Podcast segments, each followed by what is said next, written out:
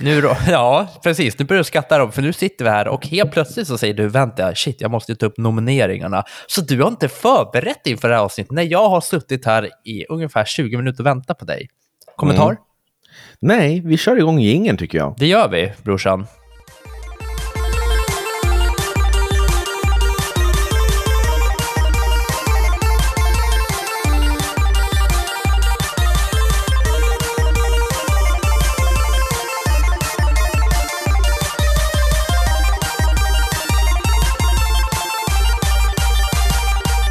Sådär, varmt välkomna ska ni vara. Vad var det där?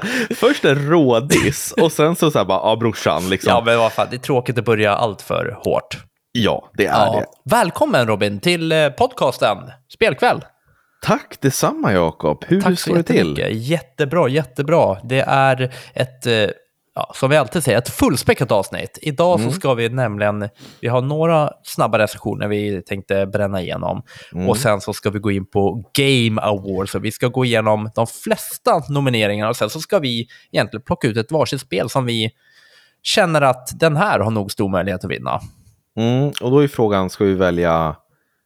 Ja, vi kör ju som- ett, ja, alltså, vi, vi kör ett var. Vi snackar lite bara, men ska vi försöka komma överens om någonting? Men det är ju jättedumt, för varför ska vi komma överens om något? Vi tycker ju olika.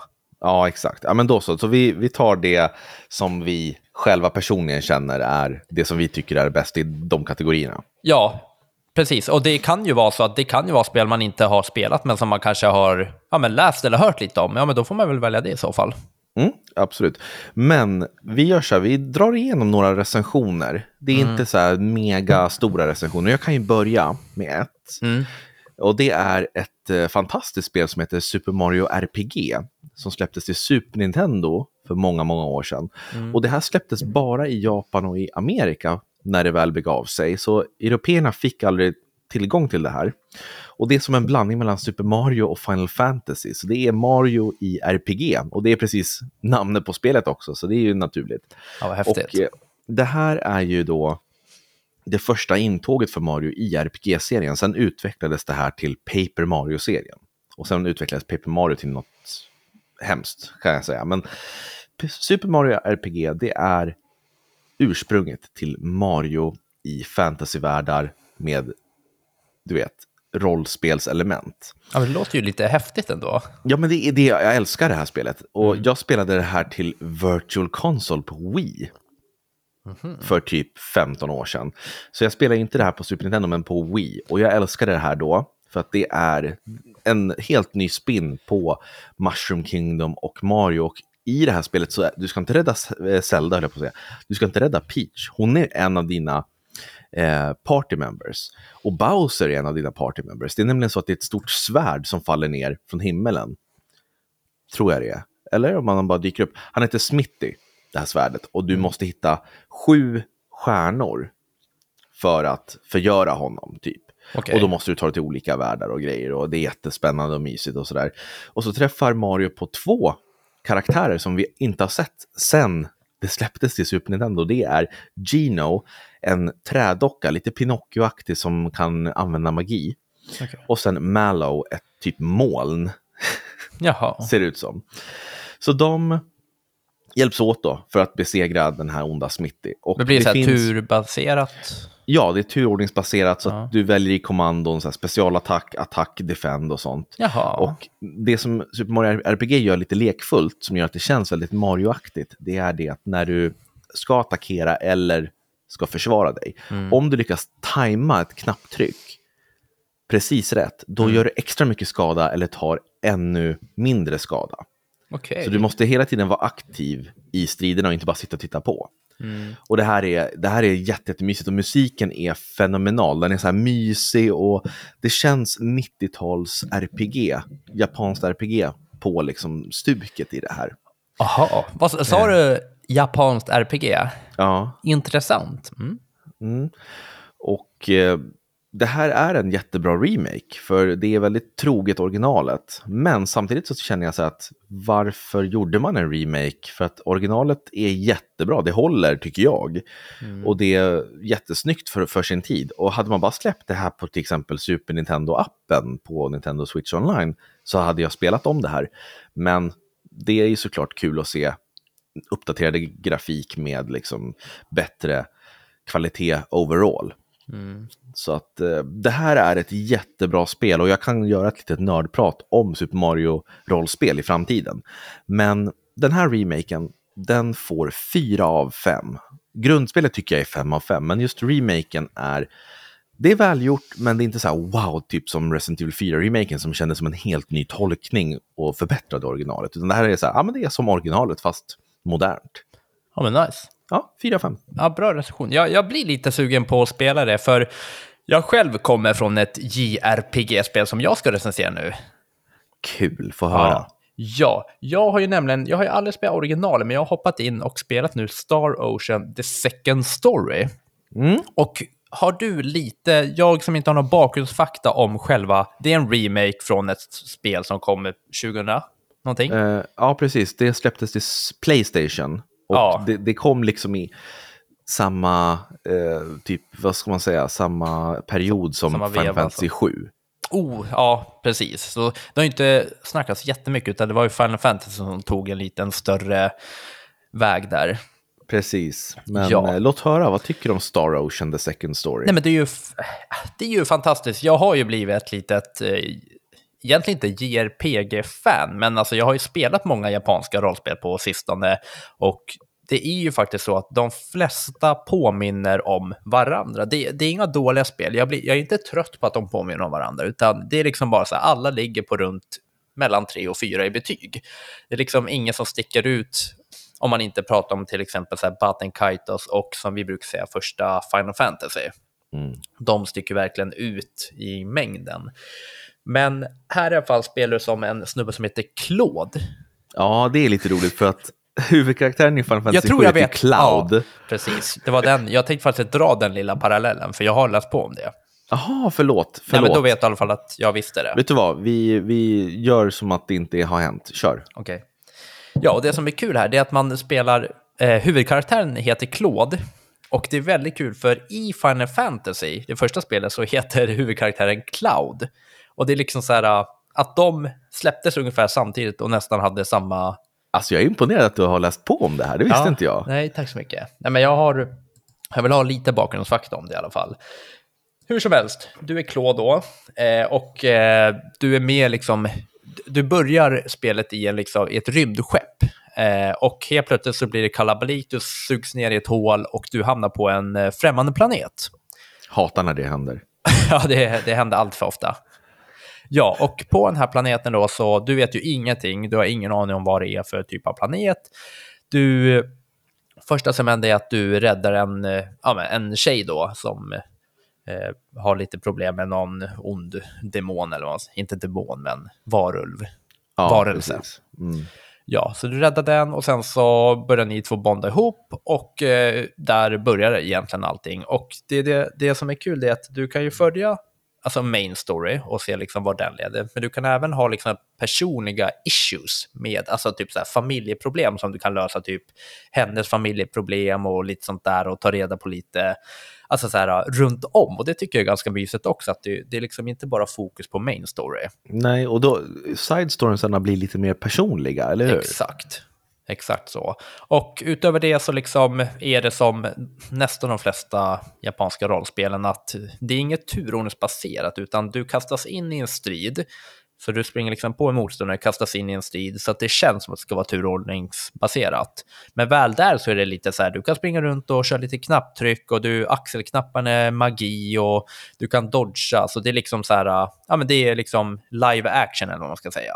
Mm, precis, och jag kan tänka mig att det blir som en typ cirkel eller ett avskilt område som du kan röra dig Mm. inom. Ja, men precis. Som ett litet område där du kan röra dig inom. Eh, och ja, utöver det så jag tycker att eh, grafiken och miljön i, eh, den är ju precis, den påminner jättemycket om Final Fantasy, det första spelet. För när du kommer in i staden, så ja, men då kommer du in i en stor stad och kan springa runt. Men sen när du springer ut, då är det som en, du har som en stor karta, men staden är pytteliten på kartan. Så det är liksom, den, hur förklarar man? Den är liksom inte så här stor som du ser den, utan du måste Nej, jag förstår det, men du, du kommer ut på en världskarta och så har du som små markörer som symboliserar städerna. Och sen när du väl kommer dit, Ja. då kommer du in där. Åh, du är så bra på att förklara. Men hur som helst, eh, jag kommer fortsätta spela lite. Det är ett eh, jättemysigt eh, japanskt rollspel och det får 3,5 av 5. Mm, härligt. Jag ska bara tillägga att det är Motoi Sakuraba som har skrivit musiken som ligger bakom musiken till Batten Kaitos, mitt favoritsoundtrack. Jaha, ja det är jättebra musik. Och jag kan säga så här också att jag spelade det här, det kom en typ portning slash remake till Playstation Portable för flera år sedan. Det var där jag spelade det här. Mm -hmm. Och jag minns att jag också tyckte det var jättemysigt och tänkte så här, men det här är spännande och bra. Men jag tyckte inte att storyn var så bra tills hälften av spelet hade, hade gått, för då kommer en mega twist. Så att eh, folk som gillar story och du vet, twister, spela Star Ocean. Mm. Och det är ju runt 40 timmar långt. Eh, jag säger tyvärr. Mm. Eh, för det, det, kommer, det blir lite, lite mycket av samma. Jag spelar ungefär sju timmar och jag börjar redan känna att okay, men nu, nu är det lite likadant här. Mm, så det är väl det det kan fallera lite på känner jag. Ja, men jag tror storyn, den, den kommer att ta fart ju längre du spelar. Mm. Men det är en liten inkörsport där. Mm. Och jag måste bara säga, jag får lite Pokémon-känsla när man springer runt i den här typ, ja, typ öppna men ändå linjära värld. Och sen så ploppar ju motståndare upp så du kan liksom välja att springa på dem eller inte. Ja, jag förstår. Men eh, det som jag tycker är unikt och ascoolt med Star Ocean det är att det handlar om det är ett japanskt fantasy-rollspel i rymden. Det är mm. det som är det coola. Faktiskt. Bra, tack för recensionen. 3,5 alltså. Jajamän. Eh, Då, har du ja. något mer? Ja, ja absolut. det är så här att jag eh, var hemma en dag, jag var sjuk och sen så fick vi ett mail där det stod så här, hej, skulle du vilja recensera Robocop Rogue City? Och då tänkte jag så här, Robocop, det här är ju någon gammal eh, B-film från 80-talet som det måste vara baserat på. Jag har inte sett Robocop. Har du gjort det, Jakob? Nej. Så då, morgonen där, så tackade vi ja till en recensionskod och så sa vi så här, men jag, jag tar den, sa jag. Och så började jag titta på Robocop-filmerna, ettan mm. och tvåan. Och jag fick en chock för de var otroligt bra. Jag trodde de skulle vara superdåliga, så här, åldrats sjukt dåligt, men jäklar i mig vilken spännande story det var. Och för att ge lite kontext, Robocop, det handlar om, filmerna är gjorda på 80-talet. Mm. Och i den här filmen så är, alltså, de kriminella har typ tagit över de flesta städer. Så då har polisstyrkan och staten bestämt sig för att anlita ett eh, bolag som ska ta hand om skurkar och sånt och skapa typ robotar som kan ha ihjäl och hålla ordning Eh, på de här kriminella. Och det här eh, företaget heter OCP och de tar fram stridsrobotar och grejer och eh, då är det en polis som precis har börjat på ett nytt arbete som heter Alex Murphy. Och han verkar vara en trevlig kille, har liksom fru och barn och sen skickas han iväg på sitt första uppdrag på sitt nya jobb då och han blir brutalt mördad av skurkarna. Alltså, jag har aldrig sett en så brutal avrättning ja, du. Du har sagt till mig att det är väldigt brutalt, alltså spelet också är väldigt ja, brutalt. Ja, visst, spelet är det också. Och alltså, han, de skjuter sönder händer, fötter och det bara flyger blod. Alltså han blir helt, helt, alltså mutilated, alltså helt, fy fan vad vidrigt det är. Och så skjuter de honom i huvudet och så dör han tror man. Men då tar OCP, det här företaget, hand om hans kropp och använder honom, honom i ett experiment att skapa en cyborgpolis. Ah. Och då blir han Robocop, en så här supersoldat som är polis liksom. Okay. Och nu hör du att min hund skäller i bakgrunden? Ja, titta. Ja, jag springer iväg så får du försöka underhålla så länge. Nej, men okej. Okay. Jaha, ja, han har ju lite problem med skällande hundar tyvärr, men och eftersom han ännu inte bryr sig så kan jag berätta lite om Football Manager 2024 då, eh, som jag har tänkt att recensera lite snabbt bara. Eh, det som är det att det är, det är lite, lite nya grejer. Till exempel att, alltså det är väldigt små grejer. Det, det, roligaste är ju det här med truppuppdateringar och att du kan liksom göra bättre fasta situationer. Det är väl just det som är det, ny, det nya med det här. Eh, utöver det så är det, det känns som samma spel och eh, jag har ju hört eh, Eh, och läst om att det är Football Manager 2025 som kommer vara liksom, den kommer vara väldigt revolutionerande. Det kommer göra om mycket. Så jag, jag kan säga så här att det är väldigt likt eh, FM 2023. Men eh, för mig är det ett måste att ha de här spelen, för jag tycker det är så jäkla kul och det ger mig så mycket, så mycket glädje i det. Och jag har ju börjat spela tillsammans med en eh, polare, så vi kör ju online tillsammans. Vi har ett varsitt lag i samma liga och eh, där kör, kör vi liksom matcher mot både datorn och mot varandra när vi väl möts. Så där sitter jag och eh, håller på och bara ja, bara kötta på helt enkelt. Och det som är så skönt med fotbollen är att du kan ha det på sidan av. Det kan vara på hela tiden och sen så går du liksom och klickar lite när du känner för det. Så om ni inte har skaffat Fotbollmanager 24 eh, och känner att det ligger, det är så här, ah, ja, jag kan nog ha råd med det. Skippa det och vänta till 25, för ni kan lika gärna köra FM23 då. Men har ni råd och känner att ni verkligen vill in i det, då är det bara att hoppa in i det, för det är lite nya funktioner som är lite spännande ändå och eh, det är, ja, FM är FM. Nu är Robin tillbaka. Ja, hej, förlåt. Um, jo, jag fortsätter med Robocop-recensionen. Och uh, filmen då handlar om Alex Murphy, a.k.a. Robocop. Och han eh, börjar typ minnas sitt liv och grejer. Och han börjar undra vad är mänskligt och vad är, eh, vad är en robot och sådär. Eh, bra filmer, speciellt första, gillar den riktigt, riktigt skarpt. Och då det här spelet, Robocop Rogue City, det fortsätter i samma anda. Och då får man då spela som Robocop och det känns verkligen som, en, alltså, som filmerna. Så tar du tittar på filmerna och sen hoppar direkt in i spelet, då blir det en naturlig övergång. Estetiken är densamma, det känns som den här framtidsvisionen som man hade på 80-talet och i den här 80-talsfilmen. Och Robocop, han springer liksom inte, man kan inte springa, det är ett FPS.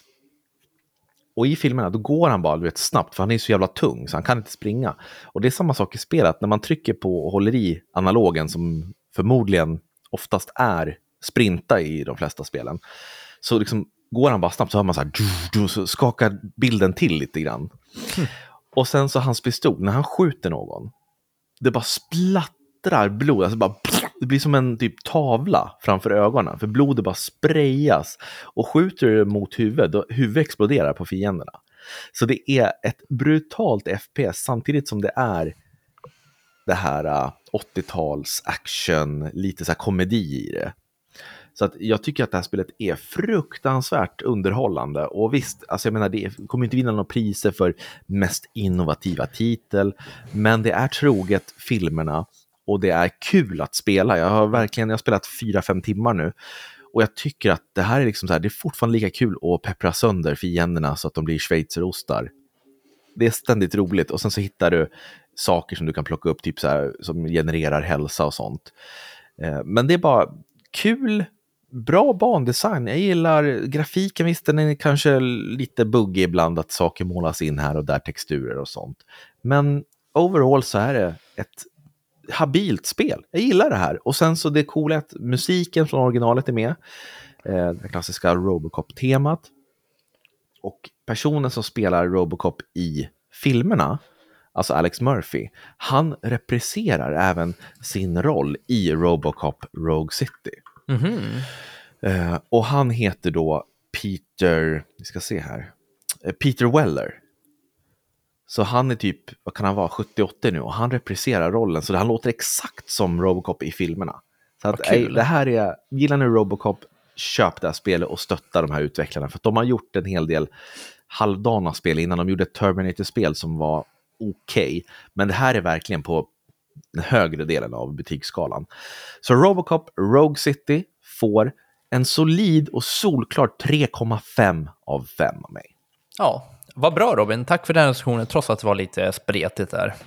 Var det lite spretigt? Ja, ja men när du sprang iväg och jag hade en liten eh, genomgång med FM mitt i Robocop. Alltså vi måste vara den första podden som slänger in en fotbollmanager-recension mitt i Robocop-recension. Alltså, vi har, det var fan coolt. Gjorde du en recension på FM medan jag, alltså mitt i min recension så gjorde du en egen ja, recension. det var en snabb eh, recension. Alltså det är, ju, det är ju fan mindblowing, det är helt otroligt. Faktiskt, det är det.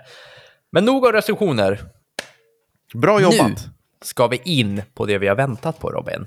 Nu ja. ska vi in på Game Awards 2023 som går av stapeln någon gång runt, är det 7 december?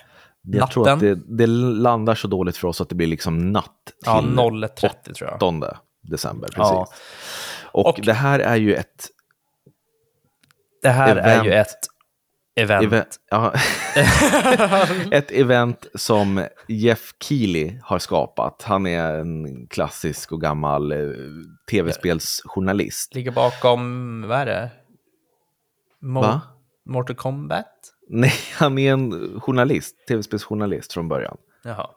Så det här är hans initiativ och det här har ju körts nu ett par år och nu är ju det här typ som Oscarsgalan för tv-spel. Yes, ja, men då hoppar vi direkt in på kategorierna Robin. Och jag tänker här, eh, nu får du eh, säga lite vad du vill, men vi båda har ju kollat igenom kategorierna och jag känner väl att kanske, det kanske är värt att gå igenom typ 30 procent, alltså de här lite större kategorierna. Ja, jag håller helt med för att det finns många kategorier där vi inte ens har spelat spelen eller vi typ inte bryr oss. Ja, men precis. Och typ de här e-sport, eh, de kan vi hoppa över då, för ingen av oss är intresserad av e-sport. Vi har ju typ så här, vilket spel man ser fram emot mest och visst har vi någon sån kategori? Ja, precis. Ja, och typ Best Multiplayer Presented by Discord. Vi, vi hoppar över sånt. Sen så, jag tycker den här äh, är lite intressant. Eh, Best Sim eller Strategy Game. Ja, För där har vi ju Advanced Wars 1 plus 2, som vi båda spelar. ja, City Skyline 2 har vi, som ingen av oss har spelat, men jag har faktiskt hört bra om det. Vi har Company of Heroes 3. Vi har Fire Emblem Engage och Pikmin 4. Och här kanske vi ska säga, har vi, jag tror inte vi, har jag hunnit nämnt hur vi ska lägga upp?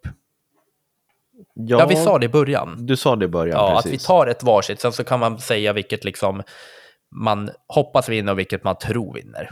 Ja. Ja. ja, men får jag börja då? Jag känner Mm. mig ganska manad till det. Som sagt, City, City, Line, City, City Skylines och eh, eh, Company of Heroes har jag inte spelat. Det bästa strategispelet av dessa tycker jag är Advance Wars, faktiskt. För att Mm. Pikmin 4 är det bättre spelet, men när det kommer till strategi så tycker jag att Advance Wars gjorde det bättre. Och Fire Emblem Engage tycker jag var ett av de sämsta Fire Emblem-spelen jag någonsin har spelat. Okej, ja det är så pass.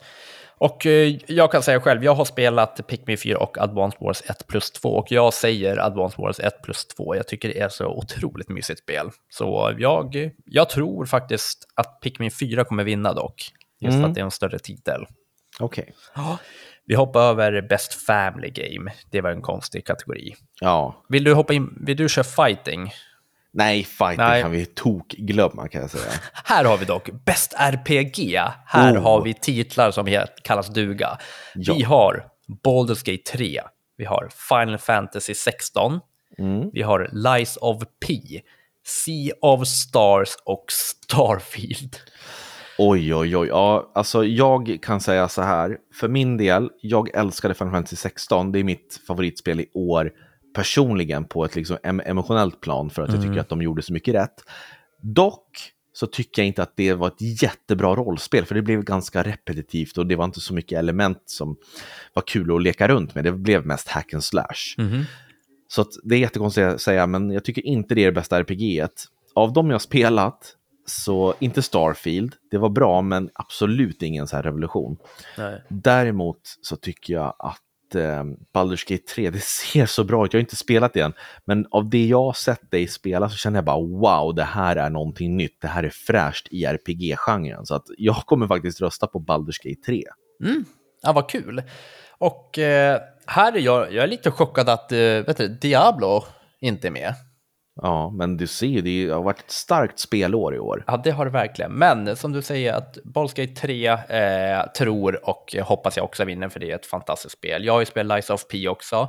Det är ju väldigt eget, det är ju Pinocchio-spelet. Eh, det var väldigt svårt, men det kom ju en uppdatering som gjorde det lite enklare sen, för folk hade ju tyckt att det var liksom som, vad heter det? Eh, Souls-like. Nej, Ja, Ja. Dark Souls. Exakt. Och sen så Sea of Stars har jag också spelat, men det är också så här, du vet, ja, men man, man får det man får av ett sånt rollspel. Det är ju typ mot japanska rollspelshållet. Så jag kör på Baldur's Gate 3 också, för det är ju så otroligt bra och det är så mycket man kan göra i det, så jag har inte ens hunnit, liksom, hunnit utforska ens 10 procent och jag spelar i typ 20 timmar. Mm, förstår. Och så har vi, nästa kategori är Best Action Adventure Game. Mm, är De spännande. nominerade är, alltså sjuka titlar. Nominerade är Alan Wake 2, Marvel Spider-Man 2, Resident Evil 4, Star Wars Jedi Survivor och The Legend of Zelda Tears of the Kingdom. Mm. Alltså, Jag måste, jag måste bara säga, när du säger Star Wars, du säger Star Wars. nej. Jo, det blir så stjärntvätt. Star Wars. Lägg av! Jedi Survivor. Alltså, Star förlåt, Wars. du får säga precis hur du vill, men jag tycker det är så gulligt. Star Wars, det är som min mamma brukar säga Star Wars. Ja, fy fan.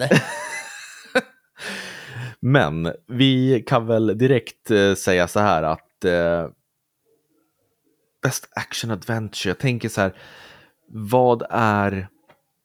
Det står puzzle solving i den här beskrivningen av den här kat- kategorin. Eh, Zelda har ju bäst pussel av de här spelen tycker jag. Men jag tycker att som bästa actionäventyr är det nog Marvel Spider-Man som sticker ut mest för mig i år. Även ifall jag tycker Alan Wake 2 är ett bättre spel på ett annat sätt och Resident Evil 4 är ett kanonbra actionspel så tycker jag att Marvel Spider-Man var liksom, det hade det här hela paketet. Det kändes som en popcornfilm. Mm. Ja, men absolut, jag förstår. Det enda spel vi inte har spelat är Star Wars Jedi Survivor. Ja. Ja, och jag instämmer lite med dig där. Dock så måste jag nog säga att när jag tänker liksom äventyrsmässigt så håller jag nog Alan Wake 2 lite högre där. Mhm. Så jag säger nog Alan Wake 2 och jag tror även att den kommer vinna. ja. Jag tror att Zelda kommer vinna. Mm, okej. Yes, ja, Ja. bra. Väldigt spridda skurar mellan oss. Ja, men jag tycker det är bra att, alltså, hur ska man kunna enas om ett? Det är helt otroligt alltså. Ja, men fan, Best Action Game, där, det är inget som, inget av spelen har vi kört. Det är typ Jo, Armored- jag har kört Armored Core 6, Okej.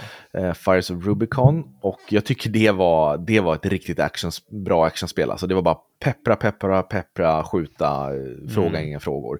Så att, för mig blir det Armored Core 6. Men där har vi också Dead Island 2, Ghost Runner 2, Hi-Fi Rush och Remnant 2. Så att det är ju bra, alltså Hi-Fi Rush har ju fått jättebra kritik också. Okej, ja men spännande. Och sen hoppar vi över Best VR AR-game. Vi hoppar över Best Mobile Game. Ja, Och sen har vi, du ville ta den här, Best Debut. I Ja. indie, alltså Indie Det- Game. det stämmer. Det är väl nytt då, som man säger. Bästa Ja. nya Indie Game. Precis, de, de, en- studio som har givit ut ett, ett uh, independent-spel. Och det är deras debutspel. Så det är det första spel de ger ut. Och det är Cocoon som är nominerad, Dredge, Pizza Tower, Venba och Viewfinder. Och jag tycker ju att indiespelen nu för tiden har ju mer kreativitet än de här stora blockbusterspelen, AAA-spelen. För att man vågar testa nya saker och jag kör inte bara på det här äh, konceptet som tjänar pengar. Och för min del, jag har spelat lite Viewfinder. Och det är ett fantastiskt pusselspel där du använder perspektiv för att skapa nya världar. Så om du till exempel tar upp ett fotografi där det är en bild på en dörr och håller upp det, då skapas dörren. Så när du tar bort fotografiet, då, då är dörren där i verkligheten. Jaha, Så att du liksom, ditt perspektiv skapar objekt och saker. ja vad häftigt. För min del blir det Viewfinder. Mm, och jag har faktiskt inte testat på någon där, så jag skippar den. Ja. Sen har vi Best Independent Game. Ja. Och, Och där, då- har, där, där, är också, eh, där har vi Cocoon, Dave the Diver, Dredge, Sea of Stars och Viewfinder. Ja. Eh, Kan du spelat- förklara lite mer vad, eh, vad, som, in, vad som menas med den här eh, kategorin? Ja, det här är bästa indiespel. Förra var bästa debut. Alltså spel som har givits ut för första gången på en studio. Det här är bästa indiespel, alltså independent-spel överlag. Spelar ingen roll om det är debut eller om du har gett ut 40 spel. Så här ser vi att Cocoon och Viewfinder som var debutspel också tävlar mot etablerade studior som Dave the Diver-studion och Sea of Stars-studion. Eh, här så skulle jag säga, här har jag spelat Dave the Diver och Sea of Stars och Viewfinder. Och för min del blir det nog Dave the Diver, för jag tycker att det var ett fantastiskt gameplay som kombinerade fiske och sushi-restaurang-simulator. Alltså det låter så jävla sjukt. ja, det är sjukt kul. Ja, herregud. Vad tycker du då? Eh, nej, men jag har bara spelat eh, Sea of Stars, så det känns ganska ja, tråkigt om jag ska ge min syn på det här. Men eh, sen måste jag säga att Sea of Stars är ju ett fantastiskt spel. Eh, Ja.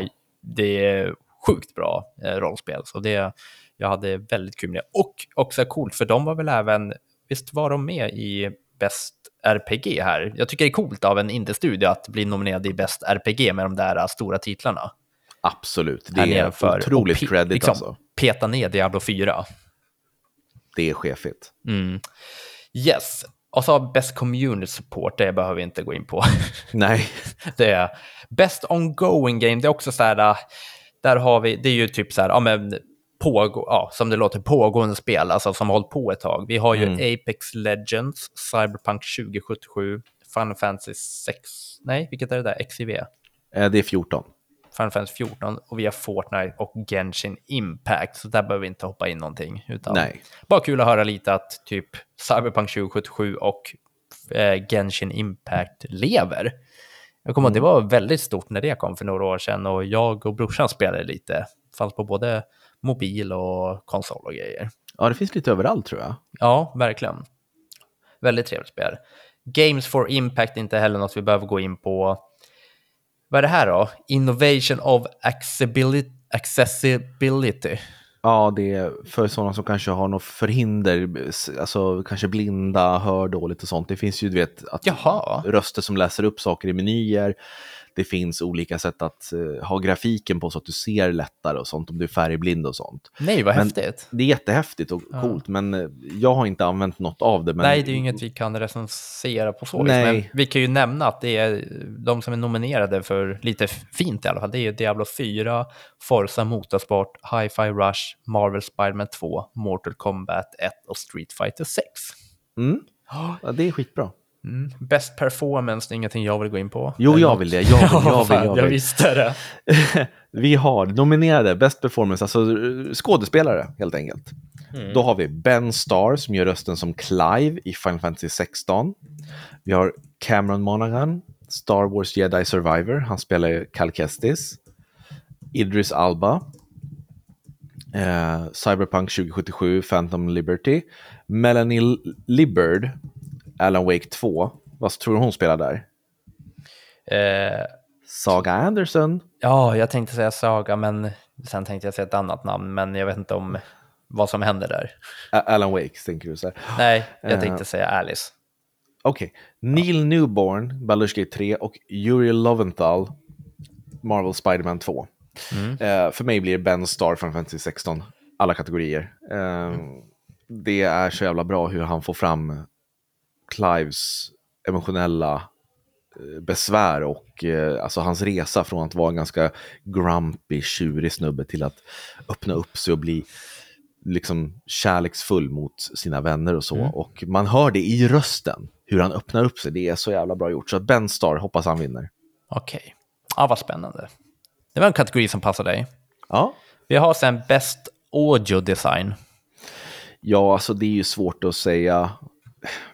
Det är ju hur, hur spelet låter, känslan man får av själva ljudet. Ja, Men för min del, om vi då går igenom de nom- nominerade, så har vi Alan Wake 2, Dead Space Remaken, Hi-Fi Rush, Marvel Spider-Man 2 och Resident Evil 4.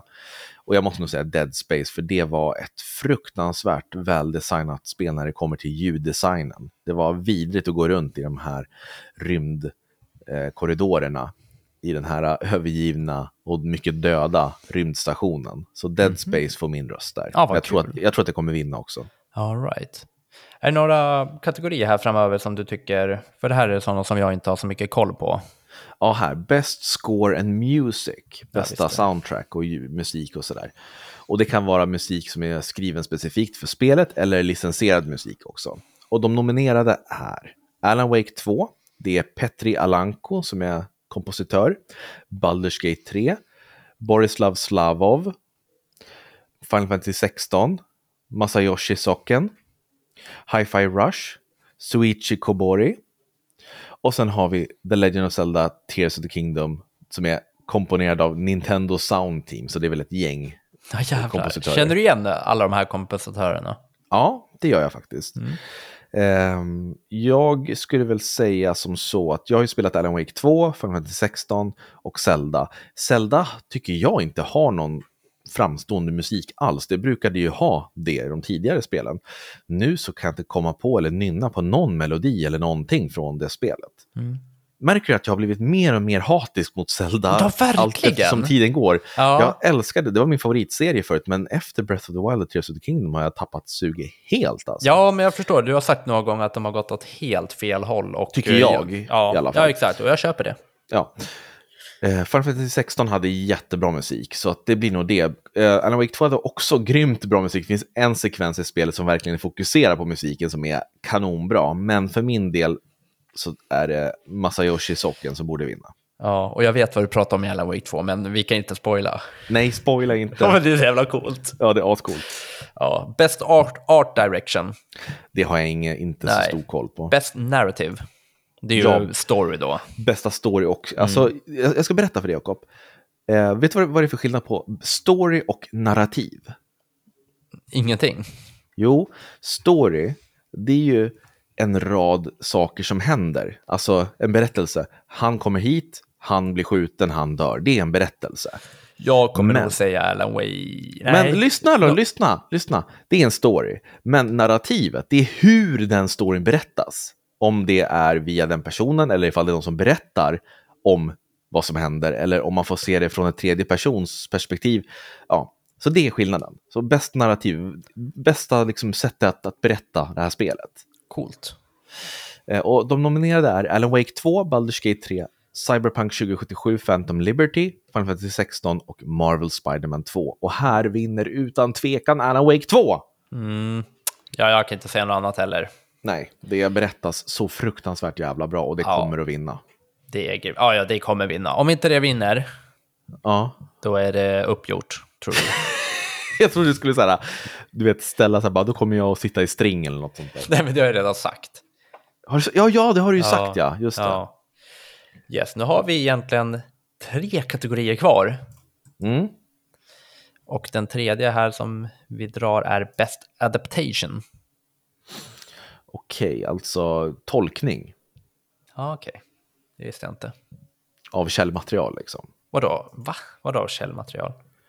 Ja, men vad är det som är nominerat? Berätta vad som är nominerat. Ja, den nominerade är Castlevania Nocturne. Var det rätt? Mm. Ja, okej. Eh, Gran Turismo, The Last of Us, Super Mario Brothers, The Movie, jaha, Ja. eh, och Twisted Metal. Yes, alltså ad adaptation är att man har gjort någonting baserat på ett källmaterial. Så det här är ju tv-serier eller filmer som är baserade på spel. Källmaterialet är spel. Ja, ja. Så att Castlevania Nocturne, det är en tv-serie på Netflix. Gran Turismo, den är ju en biofilm, eller har varit på bio och eh, finns att köpa nu. The Last of Us finns på HBO, det är en tv-serie. Super Mario-filmen, ja det är en film. Twisted Metal, jag visste inte ens att det hade kommit en serie slash film kring det. Jag hade inte en susning. Nej. Eh, Castlevania Nocturne har jag inte hunnit se. Gran Turismo har jag inte sett, vill inte se. Det verkar vara en bedrövlig film från det lilla jag har sett. The Last of Us har jag inte sett. Jag gillar inte spelet särskilt mycket. Jättebra. Eh, ja, du, du älskar det. Har, du- har du sett tv-serien? Ja, Jag har sett avsnitt ett och två. Eh, väldigt, väldigt bra. Men har du inte sett mer av det? Nej, för eh, jag kollade, lång historia kort, jag kollade med min sambos eh, familj. Och eh, nu har vi inte varit där på ett tag. Och jag vill inte kolla igenom själv. Varför inte det? Nej, men därför att det, det blev som en grej att vi kollade igenom det allihopa. Men var det inte så pass bra så att du ville se ändå? Jo, absolut, men ja, det är så pass bra så att jag kan vänta också. Va? Ja, Okej, ja. Okej, ja, absolut. Och sen Super Mario Bros-filmen. Eh, det är den enda jag har sett, så att det är den jag kommer rösta på såklart. Men eh, jag hade gärna velat se Castlevania Nocturne, för Castlevania-serien som redan finns där, som bara heter Castlevania, den tycker jag var skitbra. Brutal och sådär. Så att jag hoppas att Nocturne följer de fotspåren. vad kul. Och jag kommer köra Last of Us-serien, för den är så pass bra att jag kan vänta. Alltså du, ja, okej. Ja, men... Två avsnitt, alltså det är så att skulle jag se en serie och bara säga, ah, men asbra avsnitt. Ah, Okej, vänta, jag vet. De, de har HBO, det har inte du. Nej, jag... Är det, är det därför? Va? Ja, jag har inte HBO. Åh shit, det var därför. Okej, Vad fan, du är så kunde, vi jävla inte bara läm- kunde vi inte bara lämnat det vid att den är så pass bra att jag kan vänta? Eller inte det någon bra ursäkt? Nej, jag vet inte. Alltså, jag, jag orkar inte ens fundera på hur din hjärna Ja, herregud. Hörru, kan jag fungerar. köpa plastfickor från spelkvällkontot förresten? Vad sa du? Kan jag köpa plastfickor från spelkvällkontot till Pokémon-kort? Uh, va? Nu? Ja, jag måste beställa nu innan klockan ett för att få hem det idag. Bara säg ja eller nej. Ja, okej okay då. Tack. Vi ska säga, du, nu har vi Best Game Direction. Och då, ja. då är det då vem som har regisserat spelet. Ja, kan man säga.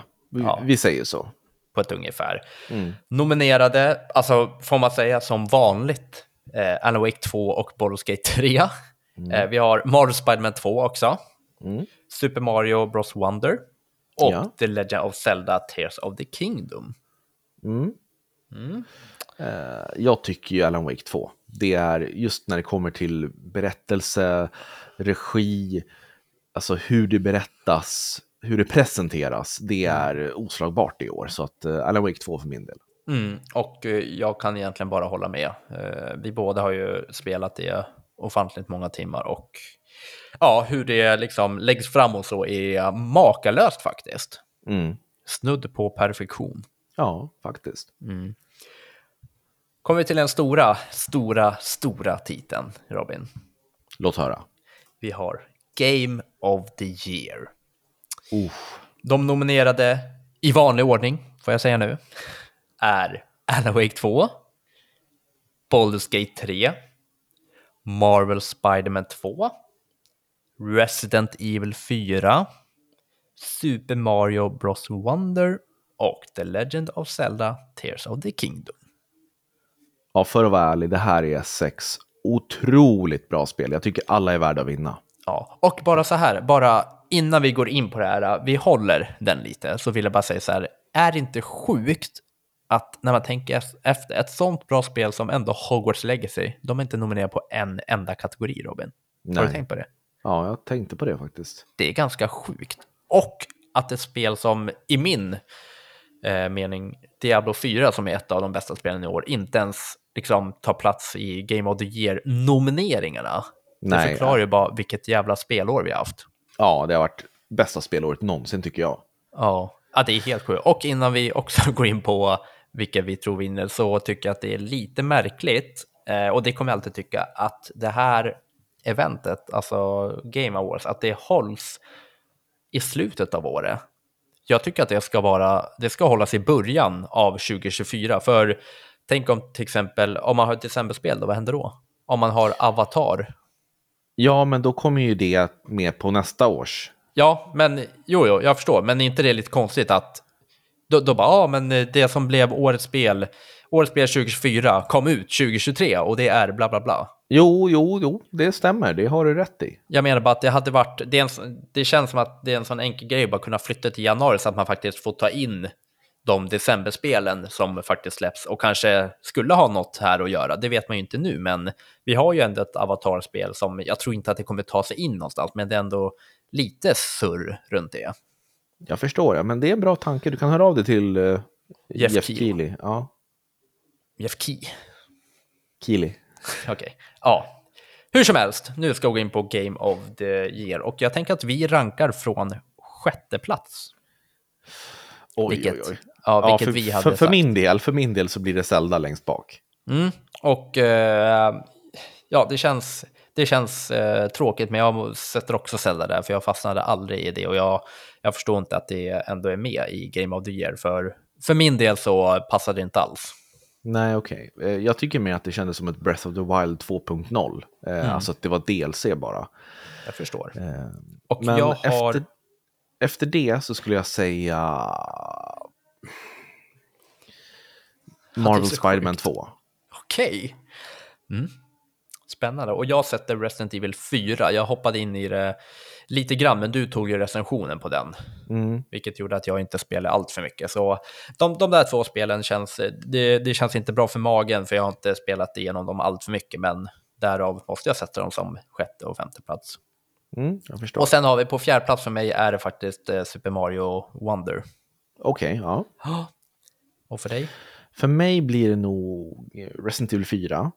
Mm. Eh, och sen Super Mario Bros Wonder på tredje plats. Alltså grejen är så här, jag har inte spelat Baldur's Gate 3. Nej. Men, men jag tror, alltså det här, det här är inte, det här är vad jag tror kommer, kommer vinna, alltså listan som jag gör nu. Så att, uh, bear with me, okej? Okay? Mm. Super Mario Bros Wonder på tredje plats och sen på andra tror jag att, alltså jag, jag tror att Alan Wake kommer komma på andra plats och sen tror jag att Baldur's Gate 3 kommer vinna för att jag personligen tycker att Alan Wake 2 ska vinna årets spel. Inte för att det är det bästa spelet utan för att det har åstadkommit något som de andra spelen inte har gjort med den här upplevelsen.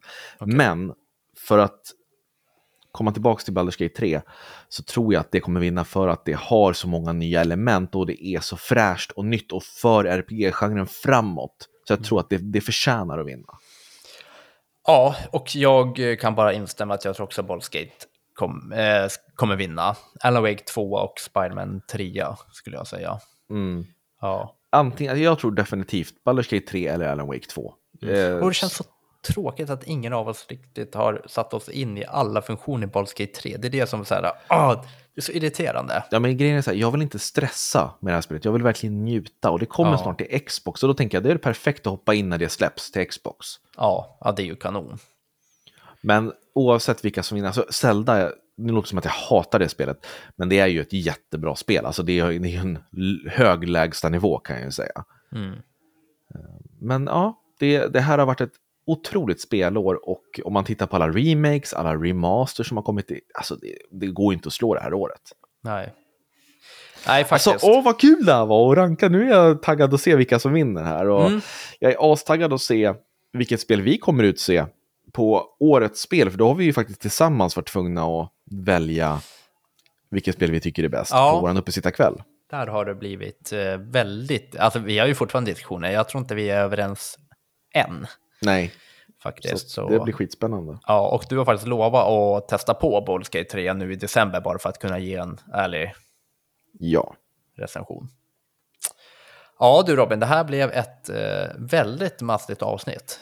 Ja, jag känner mig ja. nästan så här torr i halsen nu. Jag med, och nu ska vi dra iväg och jobba bägge två. Så ja. att, eh, men det var trevligt och kul att göra något. Och så har vi massa recensioner, vi har det här upplägget med Game of the Year och mm. sen så måste jag också påminna alla om att snälla, snälla, snälla, om ni lyssnar på det här innan den 30 november 2023, gå jättegärna in på guldpodden.se och rösta på spelkväll i årets podd och årets spelpodd. Vi skulle bli så glada och Jakob har lovat att sitta i string på uppesittarkvällen om vi vinner. Mm. Precis. Det vore skitkul faktiskt att eh, vi nominerade stort och vi sa det bara, men vi, vi gör det vi kan och om ni tycker vi gör något bra så gå gärna in och rösta så får vi ett litet kvitto på att vi är duktiga ändå. Ja, precis. Mm. Och jag vill också säga så här att om du som lyssnar vill skicka in en hälsning till oss som vi kan spela upp live den 30 december 20.00 på vår YouTube-kanal när vi har vår uppesittarkväll och firar att vi går in på liksom femte året eller femte säsongen eller vad man ska säga, avsluta femte säsongen på femte året. Så skicka ett mail med en videofil eller ljudfil till podcast spelkvall.se. Ni kan använda WeTransfer eller Sprend eller vilket medium ni än vill. Vi skulle bli jätteglada om ni, du skickar in en hälsning för det här handlar om er lyssnarna. Utan er är vi ingenting. Nej, verkligen. Bra sagt Robin. Och jag kan väl säga så här att eh, jag tycker vi tar ett avsnitt efter Game Awards också och liksom, ja, försöker smälta allt som har hänt under det eventet och vilka som vann och varför och så där. Det låter skitbra. Och det blir ju kanske runt den 10 december då. Absolut. Nobelfesten. Ja, perfekt. Mm.